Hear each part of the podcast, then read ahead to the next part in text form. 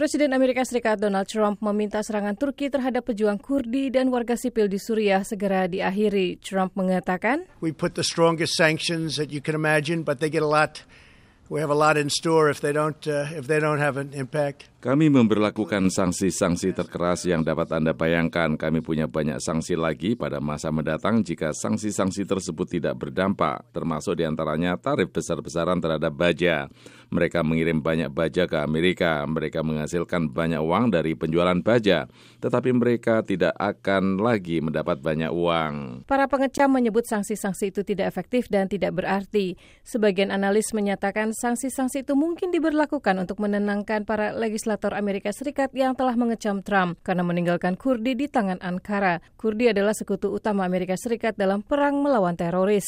Gonal Tal, analis dari lembaga kajian Middle East Institute yang berbasis di Washington DC mengatakan, Just this morning, after his announcement that Turkish uh, currency has not moved, On, on, on, on the news. So, Pagi ini saja setelah pengumuman sanksi, mata uang Turki belum berubah. Jadi menurut saya ini lebih bersifat simbolis dan merupakan upaya memberi isyarat kepada Kongres bahwa ia menganggap serius serangan Turki di Suriah. Tetapi ini tidak akan berdampak apa pun dalam hal menyelesaikan masalah yang dihadapi. Gonul Tal mengatakan bahwa Trump jelas tidak ingin bertentangan dengan Erdogan. Ia menambahkan, The White House really is, is looking for a ceasefire, meaning that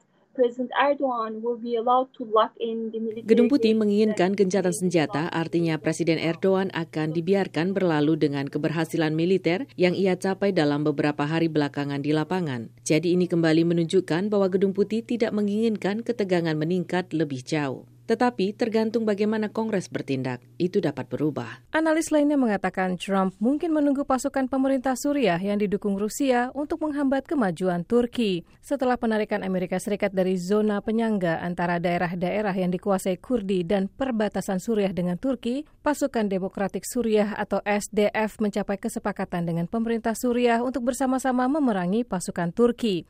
Eikan Erdemir, analis dari lembaga kajian Foundation for Defense of Democracies, mengemukakan, I think at this point the Trump administration is uh, trying to play for time. Saya pikir sekarang ini pemerintahan Trump sedang berusaha mengulur waktu sementara kita melihat rezim Assad dan sekutunya Rusia membuat kemajuan di daerah karena mereka berhasil merebut beberapa teritori yang pernah dikuasai SDF. Jadi dalam sepekan mungkin akan ada situasi di mana ofensif Turki mungkin tidak lagi dapat dilakukan. Eikan Erdemir mengatakan jika bekas-bekas musuh ini tidak berhasil memukul mundur invasi Turki, Trump tidak akan lagi terpaksa menjatuhkan sanksi-sanksi lebih keras terhadap Ankara. Lea Johannes, VOA Washington.